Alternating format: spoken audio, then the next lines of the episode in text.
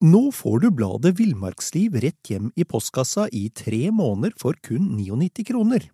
I Villmarksliv kan du lese om norsk natur, ærlige tester av klær og utstyr, og mange gode turtips skrevet av erfarne friluftsfolk, fiskere og jegere. Send SMS VILL36 til 2205 og motta bladet allerede neste uke. Lev livet villere med bladet Villmarksliv. Hi, I'm Daniel, founder of Pretty Litter. Did you know cats tend to hide symptoms of sickness and pain? I learned this the hard way after losing my cat, Gingy. So I created Pretty Litter, a health monitoring litter that helps detect early signs of illness by changing colors, saving you money and potentially your cat's life. Pretty Litter is veterinarian developed, and it's the easiest way to keep tabs on your fur baby's health right at home. Go to prettylitter.com and use code ACAST for 20% off your first order and a free cat toy. Terms and conditions apply. See site for details.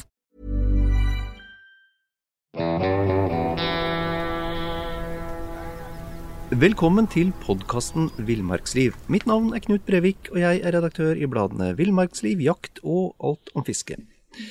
I dag skal vi snakke om det hemmelige Norge, det skjulte friluftslivet. Det er tilfeldigvis også tittelen på en bok du nylig har, har utgitt, eh, Marius Nego Pettersen? Ja, ja, det er det. Før vi, før vi ryker løs på den, så, så vi, vi, skal tilbake, tilbake, til det hemmelige Norge. Men, men det her er jo ikke første gangen du utgir bøker. Faktisk så er det her den tolvte boka i rekka? Ja, det begynner å bli ganske mange, ganske mange, bøker. Jeg har brukt veldig mye tid på å surre rundt på et eller annet bokprosjekt ja. et eller annet sted i landet vårt. Og blant de tolv så er den kritikerroste boka 'Hemmelige hytter'. Um, der du snuser deg fram til ulovlig oppførte hytter eh, som er gjemt rundt om i Norge. Det ble en, det ble en kjempesuksess, Marius. Overraska den suksessen? Ja, det gjorde jo det. Eh, dette var jo en bok om, eller er en bok, om eh, skjulte, små, ofte ganske rare krypinn som ligger gjemt under steiner og moselag og på plasser hvor ingen går ute i skogen og fjellene våre. Og det er klart, da jeg utga den, så tenkte jeg at dette her er ganske rart. Jeg hadde allerede vært i kontakt med noen forlag som ikke forsto hva, hva, det var for noe jeg egentlig dreiv med. De forsto ikke hva det var, da? Nei, de gjorde jo ikke det. Og jeg utga den jo til slutt selv på et eget forlag, fordi jeg skjønte at dette her er ikke, kanskje ikke så mange som skjønner, og tenkte at hvis, hvis en 500 000, altså ikke 500 000, men et sted mellom 500 og 1000 personer leser den boka her, så er jo det supert, det. Da har jeg på en måte fått gjort noe jeg syns har vært utrolig fascinerende. Altså dratt hele landet rundt og lett etter sånne gjemte, skjulte plasser. Ja, ja. Um, og så, så, er det noen som leser det jeg utgir til slutt. Men, men så kom jo den boka ut, da, og så har jo den nå Nå er den jo trykka i 20 000 eksemplarer, og den eh, Jeg får jo tilbakemeldinger på den eh, støtt og stadig fortsatt, og det er utrolig morsomt, altså. Så, så det var en, definitivt en overraskende, overraskende mye respons på et, et utgangspunkt ganske sært prosjekt. Ja, ja. 20 000 er jo et vanvittig høyt opplag i dag. I dag så er det, så er det veldig masse bøker. Mm. Og eh, jeg har jo da utgitt tolv stykker, som sagt, og den, eh, det er jo det som har gått absolutt best. Ja. Ja. Men, men, du, du nevnte reaksjoner, ja. Um, fikk, du, fikk du også mye tips, nye tips i etterkant?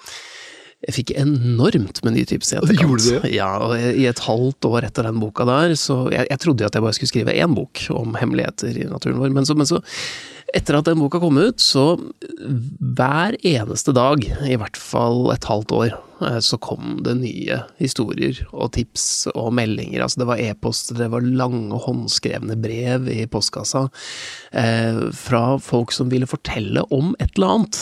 Eh, okay. Og det var, det var mange sånne hemmelige hytter, altså ting som folk hadde funnet, altså plutselig gått på opp i fjellet, eller eh, Og så var det masse steder som folk hadde vært med på å bygge. Ofte for en del år siden. Det var en ganske, ganske stor overvekt av eldre mennesker som kontakta meg.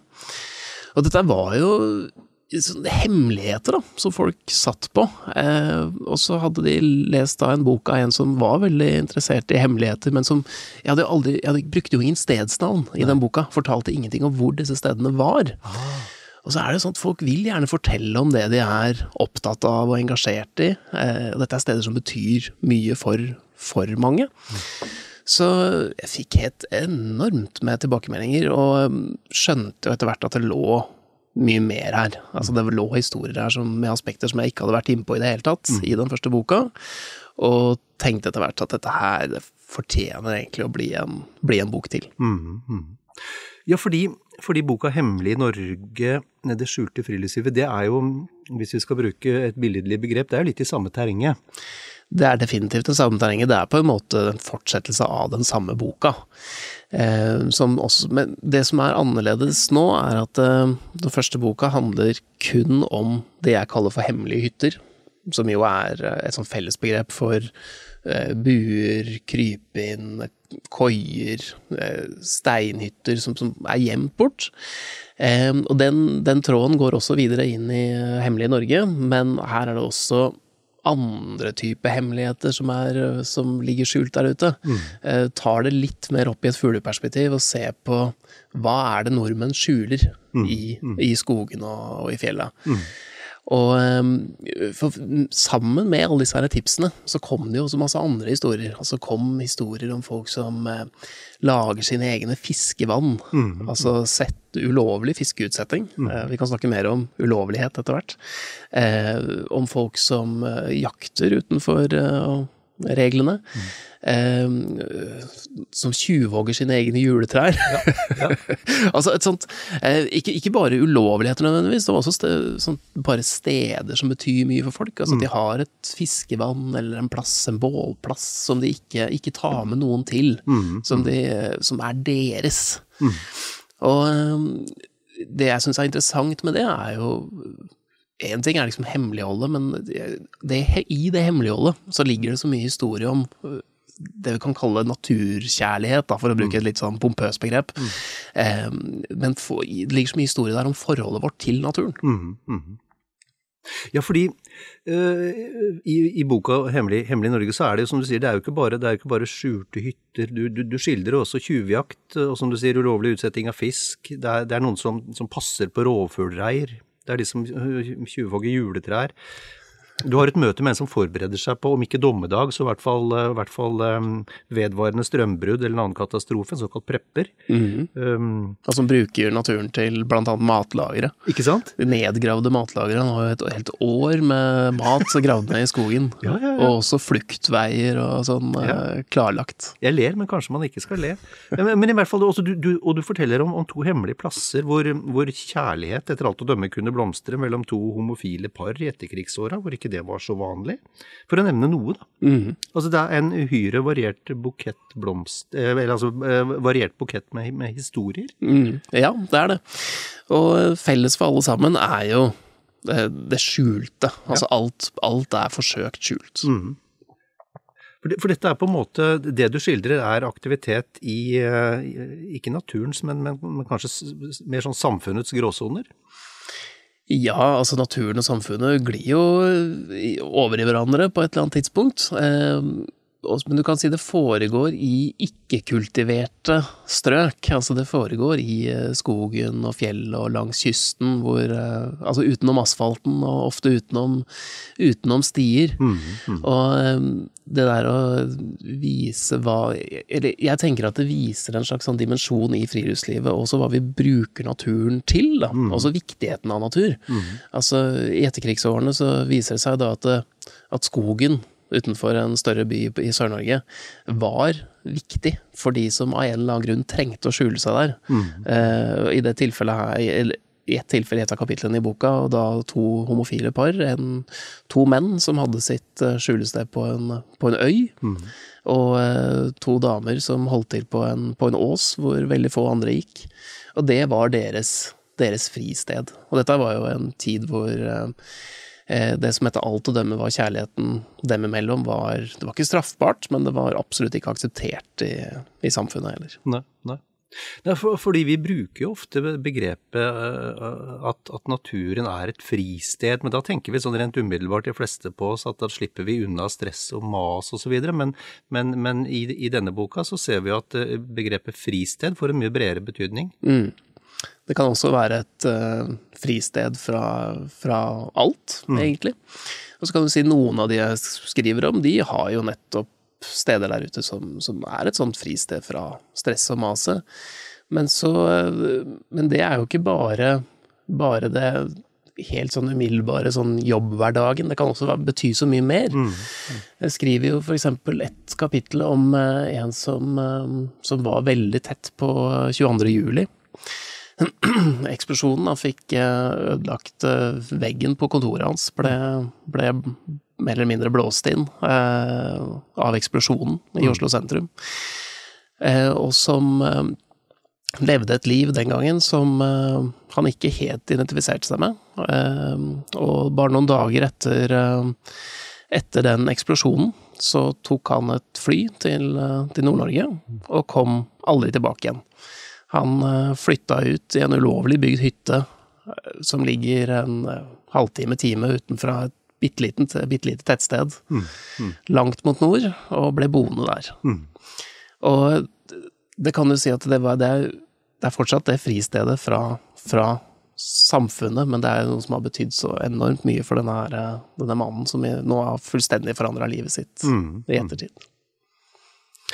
Fordi det er jeg har, lest, jeg har lest, boka, og, og, det er en sånn, hva skal vi si, lett sånn de, de, du skildrer, veldig mange av dem har en, en sånn lett anarkistisk tilnærming til eiendomsforhold, blant annet. Blant annet. Eh, jaktregler. Mm. Mm. eh, vernebestemmelser. Eh, hva, hva, hva, tenker du om det? Jeg tenker at, eh, altså jeg forholder meg jo til dette som, som, som journalist, eh, så jeg ser det fra et nøytralt ståsted. I utgangspunktet så syns jeg det er en uting at folk bryter lov for å for å eh, gjøre det de ønsker å gjøre i, i naturen. Men i det at de gjør det, eh, så ligger det en voldsom tilknytning til, til natur. Mm. Altså, de har et ønske om å gjøre noe i naturen, enten det er å bygge en et litt, liten hytte der ute som ingen andre skal vite om, eller det er å Vi kan godt prate litt mer om han tjuvjegeren etter hvert, men altså gå gå på jakt uh, uten, uten tillatelse til å gjøre det, noe han for, for, øvrig ikke gjør helt frivillig, mener han selv. Um, den tilknytningen og det ønsket de har om å gjøre disse tingene, det er så sterkt mm. at de til og med er villige til å bryte loven mm. for, å, for, å, gjøre det. Mm. Og i det så, så ligger det en, en, historie for meg, mener jeg, om hva natur betyr for oss. Og hvor sterk den tilknytningen er. Også, også eierfølelsen. Mm. Vi, dette her er jo en sånn gjennomgående ting i, i, Norge, hvor vi har en veldig sterk friluftskultur. At jeg tror at veldig mange kjenner et veldig sterkt eierskap til de områdene vi beveger oss i. Mm. Og vi eier jo egentlig som regel, da, ikke, ikke den, den naturen. Men vi blir fornærma når uh, grunneieren begynner å hogge i mm. skogene som vi, vi går i, mm. og ødelegger de plassene som vi er glad i. Mm. Og det viser at vi har Vi føler til en viss grad at vi eier det, og så er det da noen som tar det steget enda lenger, mm. og uh, skaper da disse helt synlige tegnene på, mm. på den eierskapsfølelsen. Mm. Og bare sånn uh, i forhold til det du nevnte om tjuvjakt, hvis jeg kan tillate meg å være litt personlig der, så har jeg en, en, en morfar som, som, som, under krigen hadde illegale våpen og tjuvjakta hele tida for å holde de åtte barna sine i, i livet. Mm, mm. og da han ble konfrontert med det av naboer, så sa han at de, de dyra jeg skyter, har ikke noe merkelapp på seg. Nei. Ikke sant? og det er, det, er litt, det, er litt samme, altså er, av den samme, holdningen som du skildrer i boka di. Man har et dels, Dette var jo, var jo, preget av nødvendighet, men også Men man har et veldig sterkt eierskapsforhold til naturen rundt seg. Mm, mm. Ja, altså det er jo et sånt uh, kjent utsagn, jeg husker ikke hva han heter, han som sa det, men uh, det er mine skoger, fast jeg eier dem inte. Ja. uh, og det, jeg tror mange, mange føler det. Og 20, eh, nå er det to tjuvjegere man møter i, møter i, boka mi, og um, ja, det satt i utgangspunktet veldig langt inne å skulle skrive om tjuvjakt. For bikker du over i tjuvjakt, så Altså, det, det finnes jo tilnærma mafiavirksomhet av det i Norge. Det er, ikke, det er ikke så veldig mye tjuvjakt igjen, men det er jo noen som fortsatt jakter utenfor, utenfor reglene. Um, og noe av det er jo helt klart økonomisk eh, handler om økonomisk vinning. Det handler om å få skutt dyr, og det, det er nøye organiserte gjenger som eh, selger kjøtt på svartemarked. Og jeg skjønner ikke at de kan tjene så enormt mye penger at det kan være verdt det, men likevel. Eh, noen gjør det. Og det var helt uaktuelt å skrive om, for det er menneskers forhold til natur jeg skriver om. Mm. Eh, men han ene, da, ho hovedtjuvjegeren, vi skal kalle han i, i boka mi, han eh, er en mann som eh, bor et sted i Norge, det er ikke spesifisert mer enn det, som føler seg utestengt fra den jakta som har vært en del av livet hans siden han var liten. Og som har vært en del av livet til faren hans, til bestefaren hans, og som er en veldig stor, et sterk del av identiteten hans, og som nå har blitt mye dyrere. Den har blitt uh, satt bort, han sier at den har blitt satt bort stort sett til byfolk som, uh, som ikke har et personlig forhold til områdene, mm. som egentlig han ser på som sine egne. Mm. Um, og har blitt fulle av regler som fullstendig ødelegger jakta for han. Og for at han da skal ha den jakta som han mener at det er en stor del av seg selv, mm. så jakter han i dag ulovlig. Mm. Og ehm, det er jo fortsatt ikke en bra ting. Vi, eh, det er ikke noe som er legitimert på noe som helst vis. Og det, hvis mange hadde gjort som han, så ville det ødelagt både kvoter og eh, bestandene der ute. Mm. Men, ehm, men det forholdet til til noe som foregår i naturen, syns jeg er veldig interessant å dykke ned i. Mm. Altså at noen kan ha en sånn sterkt forhold at de, at de, til og med er villige til å ta den risken mm. det er å jakte ulovlig. For det er ganske store, store bøter som venter hvis han blir tatt for det der. Mm, definitivt. Du, en, en, annen, en, annen, historie som, som, jeg gjerne vil snakke litt om, det er, eh, det er den fjellkirka eh, en mann bygde ja. Eh, kan, kan, du fortelle, kan, du ikke fortelle, den historien? Altså, hvordan dukka tips opp, og, og, og hvordan foregikk søket etter stedet? Jeg hadde fått et tips uh, fra en kar som uh, i et fjellområde for 25 år siden hadde han og noen fiskekompiser hørt et rykte om, om, noe som skulle ligge i en, i en dal.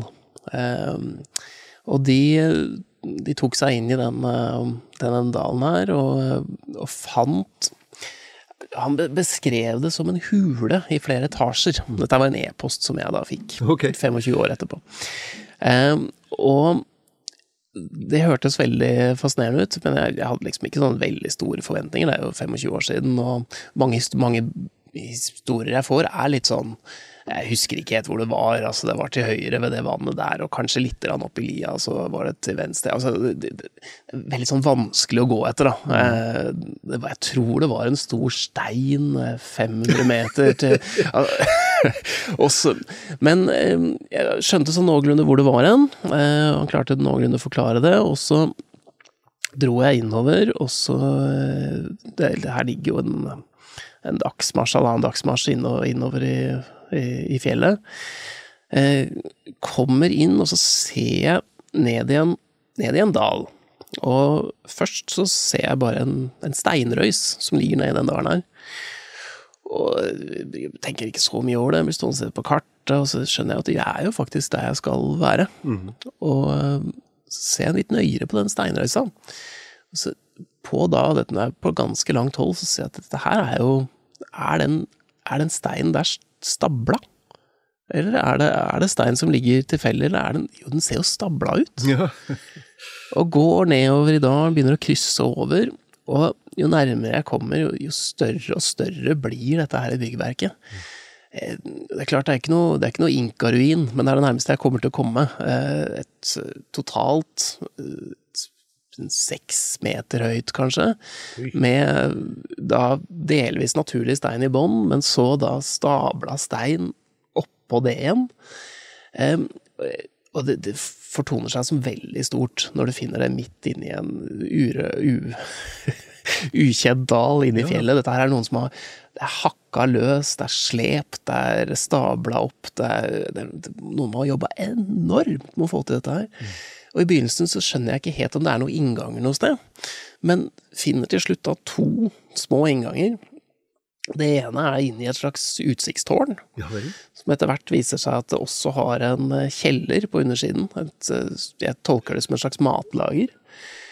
Og den andre inngangen, som var bitte liten, det er sånn du akkurat klarer å åle deg inn, leder inn i en loddrett sjakt som går et, ja, kanskje to, to og en halv meter ned, og så inn i et uh, lavt soverom Ja som har grunnflate på størrelse med en dobbeltseng, kanskje.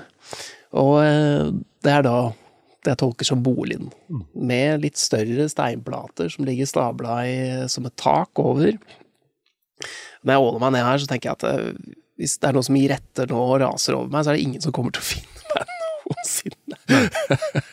Men uh, Og panikken uh, Og liker du et hjørne, eller? jeg, jeg har ikke klaus, klaustrofobi, men okay. jeg kjente litt på det, på det der. Altså, dette her er Jeg Her tenkte jeg at dette her er eh, Avhengig av hvor lenge det har stått, eh, stått urørt, så eh, Her kan, kan noe rase. Men totalt da en eh, fire, fire-fem forskjellige rom inni denne her eh, svære stein, eh, steinhaugen, egentlig. Og jeg har jo ikke klart å finne hele historien, men eh, har da eh, spurt og spurt og spurt, og dette, det er jo en kunst å spørre om ting som man også skal holde hemmelig. Altså å klare å spørre mennesker uten å fortelle akkurat hva man spør om. Eh, men fant da til slutt tak i noen få kilder som eh, kunne fortelle at dette her er en, eh, en eh, kom, en prestestudent skal det ha vært for, eh, på 1960-tallet, okay. som eh, tilbrakte to somre med å, eh, med å stable opp og lage dette byggverket. Og så skal visstnok han ikke ha kommet tilbake igjen. Ja vel. Men på tida hvor min kilde da fant dette, dette stedet, så skal det vært rykter om en, om en mann i dress. Som hver, altså pendress, som hver sommer bodde i denne her hula. Og som var såpass folkesky at hver gang han så mennesker på, på avstand, så løp han opp på, et, eh, på nærmeste, nærmeste fjelltopp. Men så bodde da fast hver sommer i dette, dette her eh, rare, rare byggverket. Og det er derfor jeg også da har kalt det, kalt det kirka, fordi det var en prestestudent som bygde det. Men eh, jeg vet fortsatt veldig lite om det. Det står der fortsatt for meg som et sånt, eh, som, sånt mysterium. Mm, mhm. Fantastisk historie. Det høres ut som et personlig monument, nærmest. Ja, det er jo det. Nå får du bladet Villmarksliv rett hjem i postkassa i tre måneder for kun 99 kroner. I Villmarksliv kan du lese om norsk natur, ærlige tester av klær og utstyr, og mange gode turtips skrevet av erfarne friluftsfolk, fiskere og jegere. Send SMS VILL36 til 2205 og motta bladet allerede neste uke. Lev livet villere med bladet Villmarksliv. Many of us have those stubborn pounds that seem impossible to lose, no matter how good we eat or how hard we work out. My solution is PlushCare. PlushCare is a leading telehealth provider with doctors who are there for you day and night to partner with you in your weight loss journey. They can prescribe FDA-approved weight loss medications like Wagovi and Zepbound for those who qualify. Plus, they accept most insurance plans. To get started, visit plushcare.com slash weight loss. That's plushcare.com slash weight loss.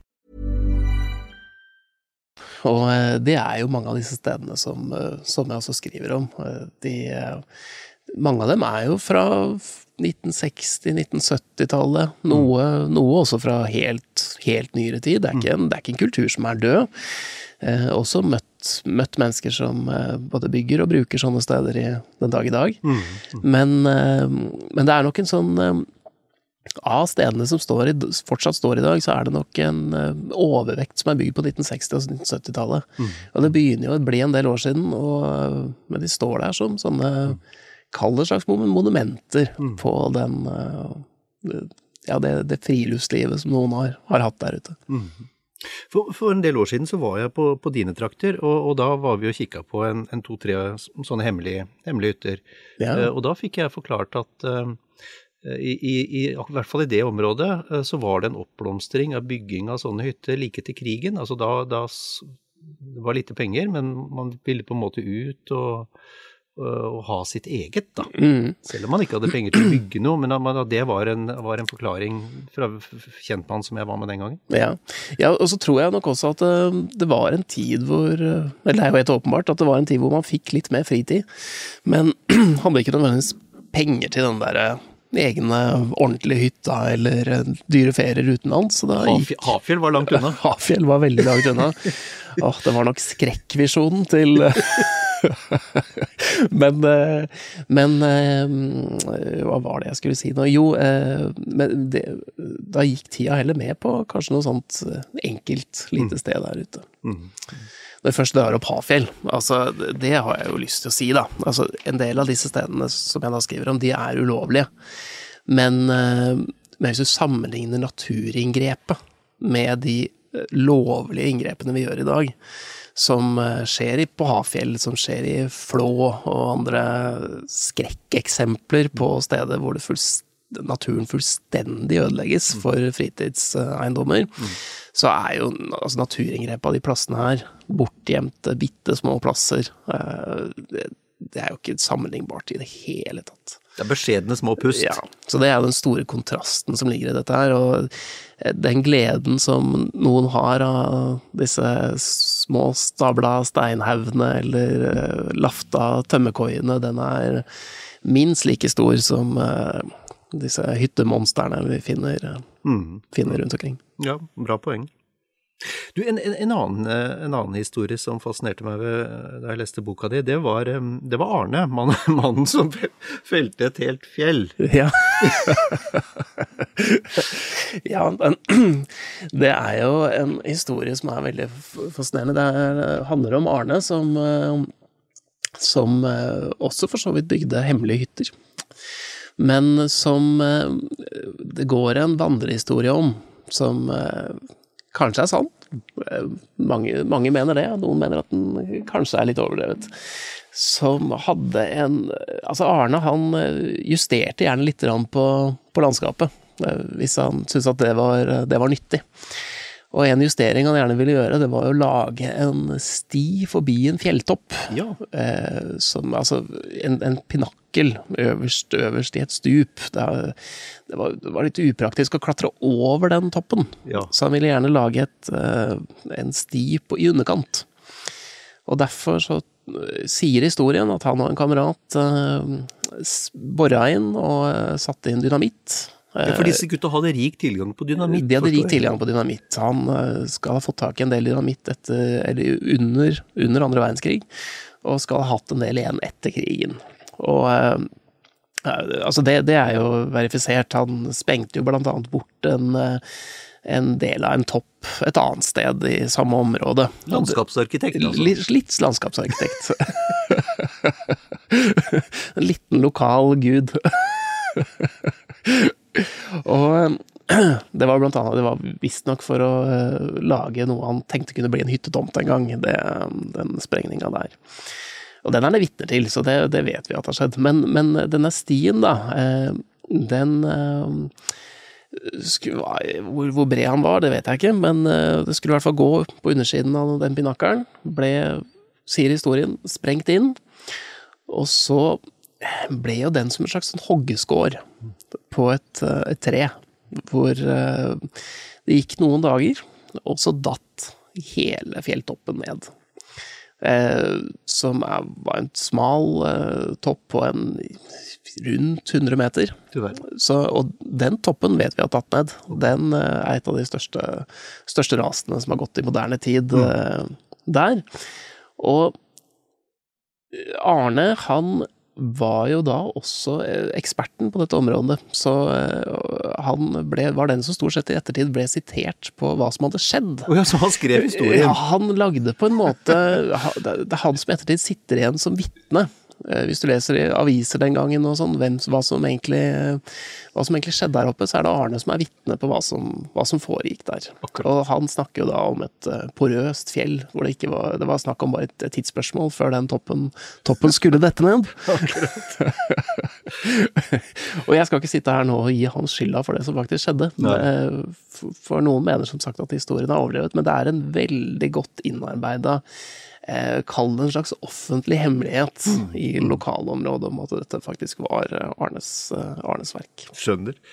Men, men du, det er ganske nitid arbeid du har lagt ned her, sånn i å følge opp tips og, og, og få dokumentert historier.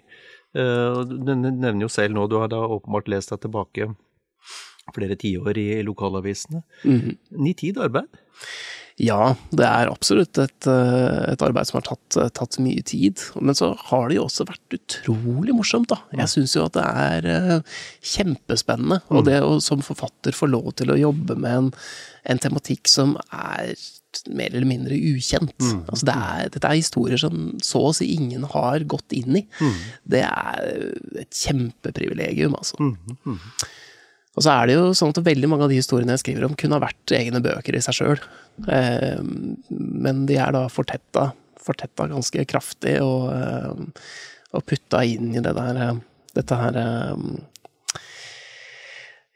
det som, Konseptet, det som binder det sammen, at alt er, alt er hemmeligholdt på en eller annen måte. Mm.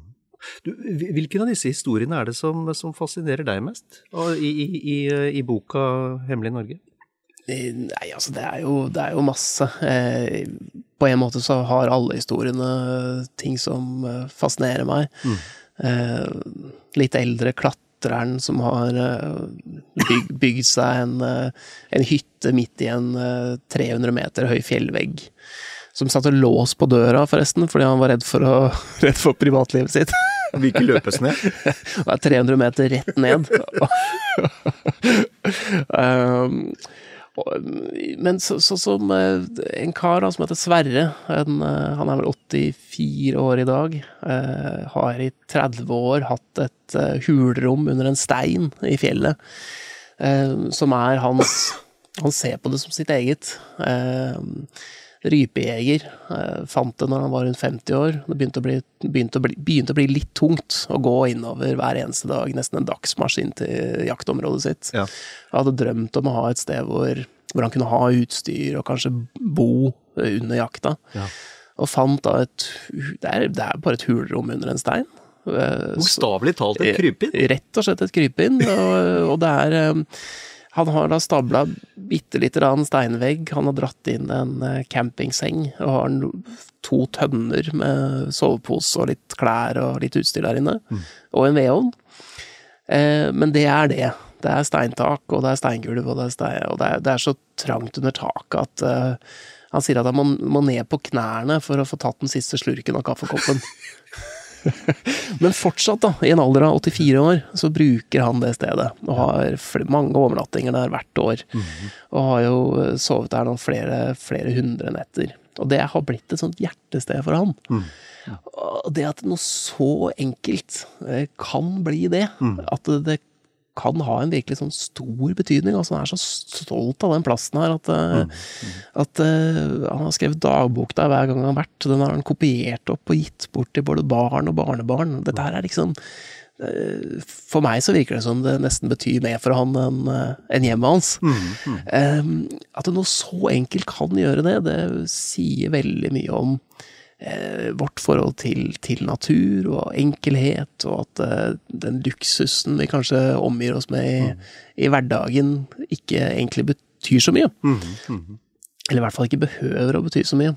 Så de inntrykkene der og de historiene der, det er kanskje det som eh, har gjort gjort mest for meg. Mm.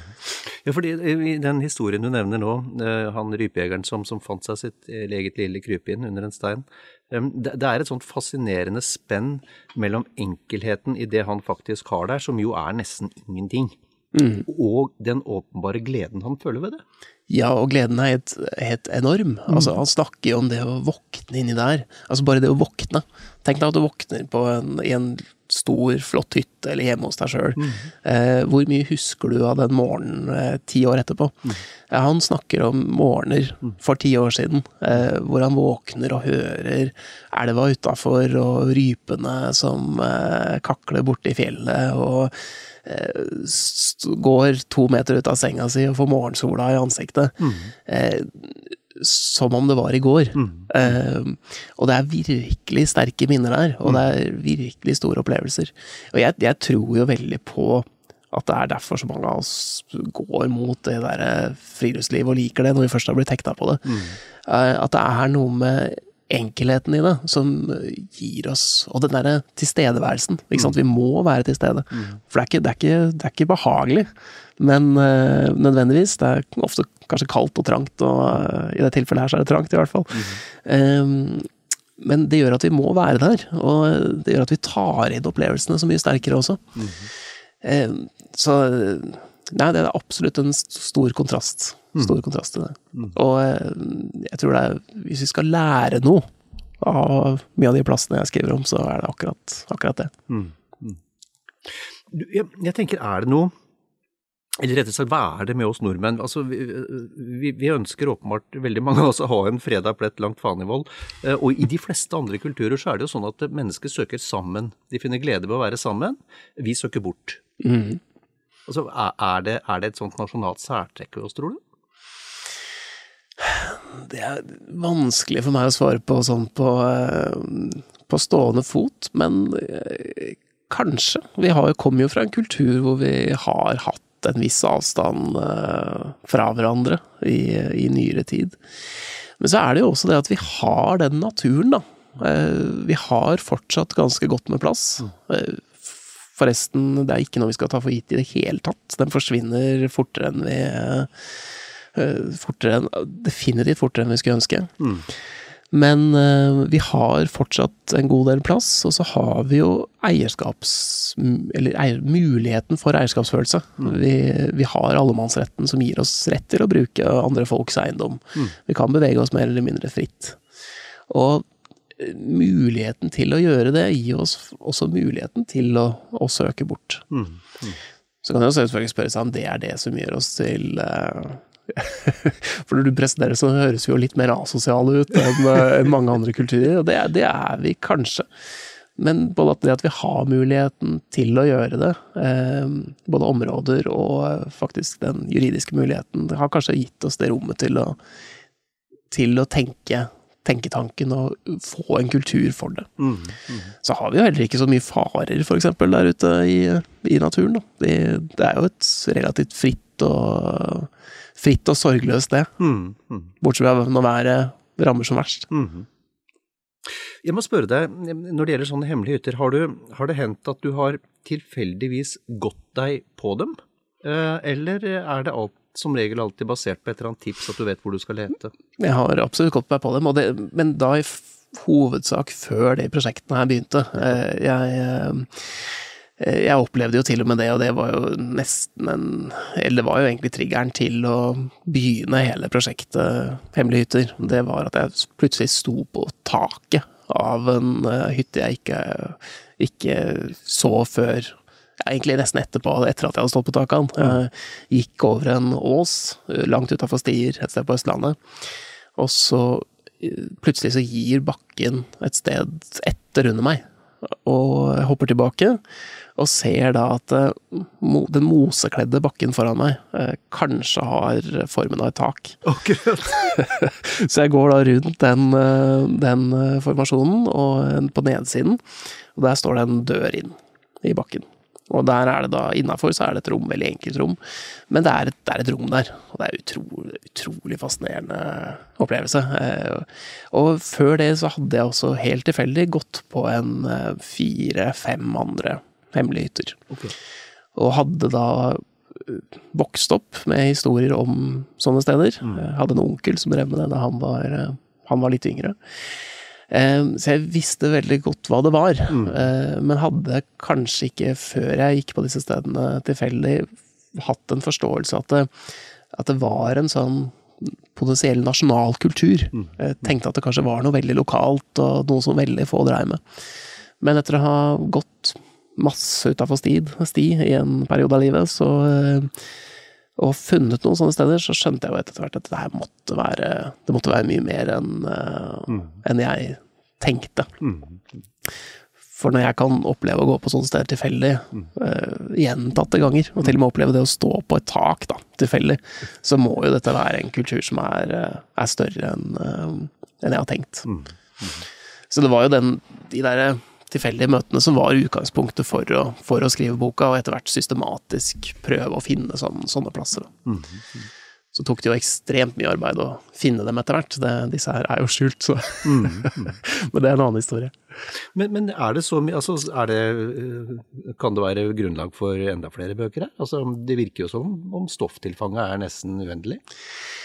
Ja, men nå har jeg tenkt at nå har jeg nå har jeg, jeg, jeg har noen historier som Noen få historier som kanskje, kanskje kan bli noe en eller annen gang i framtida, men, men denne her store sveipet, mm. det forsøket på å beskrive en kultur for hemmelighold, mm. det er jeg nå ferdig med. Mm. Altså, nå skal den kulturen få lov til å hvile videre. Mm. Og eh, det handler jo litt om at eh, noen mener jo at dette er noe man ikke skulle pirka borti i det hele tatt. Mm, okay, eh, okay. Ja, altså at det, det, hemmelige skal forbli hemmelig. Ja. Mm. Og det mener jeg jo selv også, og har jo da så godt det lar seg gjøre prøvd å anonymisere alt. Altså det er ingen, ingen personer i boka som har, eller bøkene som har etternavn. Det er ingen eh, Og noen har fiktive fornavn. Eh, noen få steder ligger på fiktive steder. Mm. Uh, og i den grad det er stedsplassert i det hele tatt, så er det kun på landsdelsnivå. Mm. Uh, altså Østlandet, Nord-Norge. Uh, et eller annet sted i sør. um, så det er og ikke avslørende bilder. Altså det har vært en veldig sånn veldig, Anonymiseringa har vært veldig viktig. Mm. Men jeg mener likevel at selv om det er tatt skånsomt i, så skal ikke jeg nå fortsette å grave videre i den kulturen. Og det er jo jeg har vel kanskje vært innom uh, i bøkene i tekst eller bilder enn 120 forskjellige hemmeligheter. Uh, men uh, Og det er jo hundrevis, altså mange, mange hundre igjen. Men eh, nå har jeg vist at det er en kultur som eksisterer. Mm.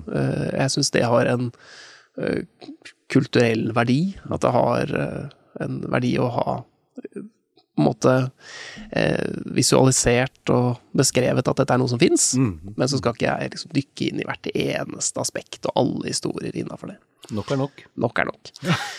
men så er det, kan du si, det er, det er, noen få historier der som kanskje kan bli noe mer, men det er historier som også handler om eh, andre ting, som mm. kanskje da blir, er hovedfokus. Mm. Jeg er nesten nødt til å spørre deg, har du bygd din egen hemmelige hytte? Ja, det var jo et sentral del av den første boka.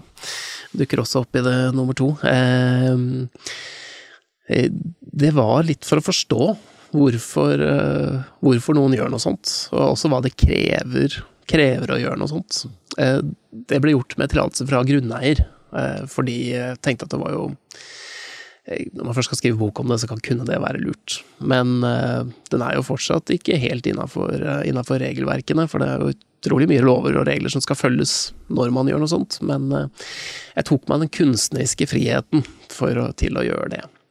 Det er nok et sted som Den står fortsatt, men den skal nok sannsynligvis rives etter hvert. Okay. For det har vært, vært veldig interessant å dykke inn i det, men jeg mener jo selv skal jeg være helt ærlig, at uh, de aller fleste burde klare seg med en, med en teltplass. Mm. At det ikke er nødvendig å bygge disse stedene på steder som i utgangspunktet er, er urørt. Mm. Du, du, er jo proff på dette med hemmelige hytter og plasseringer. Klarte du å plassere hytta di så bra at ingen andre fant den? Har det vært noen andre der? Eh, jeg mener selv at den er godt plassert. Jeg vet nå, nå har den stått siden 2018, eh, altså i fire år. Nå vet jeg om to andre som har funnet den. Oh, ok! Tilfeldig. ja, og uh, den ene har skrevet seg inn i en hyttebok jeg har der, og den andre har jeg, uh, har jeg blitt fortalt. Uh, og det er jo folk som beveger seg godt utafor stier og der hvor folk vanligvis går. Mm. og det er nesten sånn man bare må, bare må regne med. Så, så lenge den hytta står, så øh, håper jeg jo at de ikke forteller videre om den. Og det er jo også sånn, du kan jo si hovedregelen, i den grad man skal kalle dette et miljø. Det er jo ikke et sammensveisa miljø, men det er jo et slags miljø likevel. Eh, Løst organisert. Veldig løst organisert. Så kan du si hovedregelen er, hvis du finner et sånt sted, så, eh, så kan man som regel bruke det. Bruke det. det står ofte åpent og eh, tilgjengelig for de, som, for de som finner det. Mm. Men ikke fortell videre om det. Nei. Det er det som er eh, regelen. Og det, noen rettferdiggjør da nesten stedene i nettopp at de står åpne, og at, eh, at de håper at de som finner dem, også får en slags får et slags eierskap til det. Så at de også eh, holder det, holder det skjult for andre. Mm. Det er et slags æreskodeks her. Ja, det er det. Du, Veldig veldig spennende, spennende bok, eh, 'Hemmelig Norge'. Det skjulte friluftsliv. Hvor får man tak i boka di? Den er i nesten alle bokhandlere. Eh, så er den også mulig å signere, nei, å bestille signert fra eh, manep.no. Som er jeg du må gjenta du sa. manep.no, som er min, uh, min egen nettbutikk. Men ellers så er den stort sett i de aller fleste, fleste bokhandlere der ute. Ja. Marius Negård Pettersen, tusen takk for en hyggelig prat. Jo, takk for at jeg fikk eh, komme og prate med deg.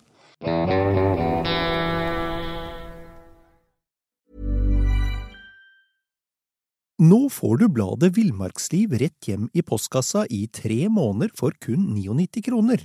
I Villmarksliv kan du lese om norsk natur, ærlige tester av klær og utstyr, og mange gode turtips skrevet av erfarne friluftsfolk, fiskere og jegere.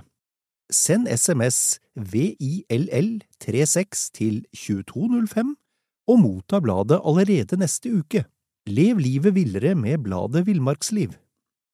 Hi, I'm Daniel, founder of Pretty Litter. Cats and cat owners deserve better than any old fashioned litter. That's why I teamed up with scientists and veterinarians to create Pretty Litter. Its innovative crystal formula has superior odor control and weighs up to 80% less than clay litter.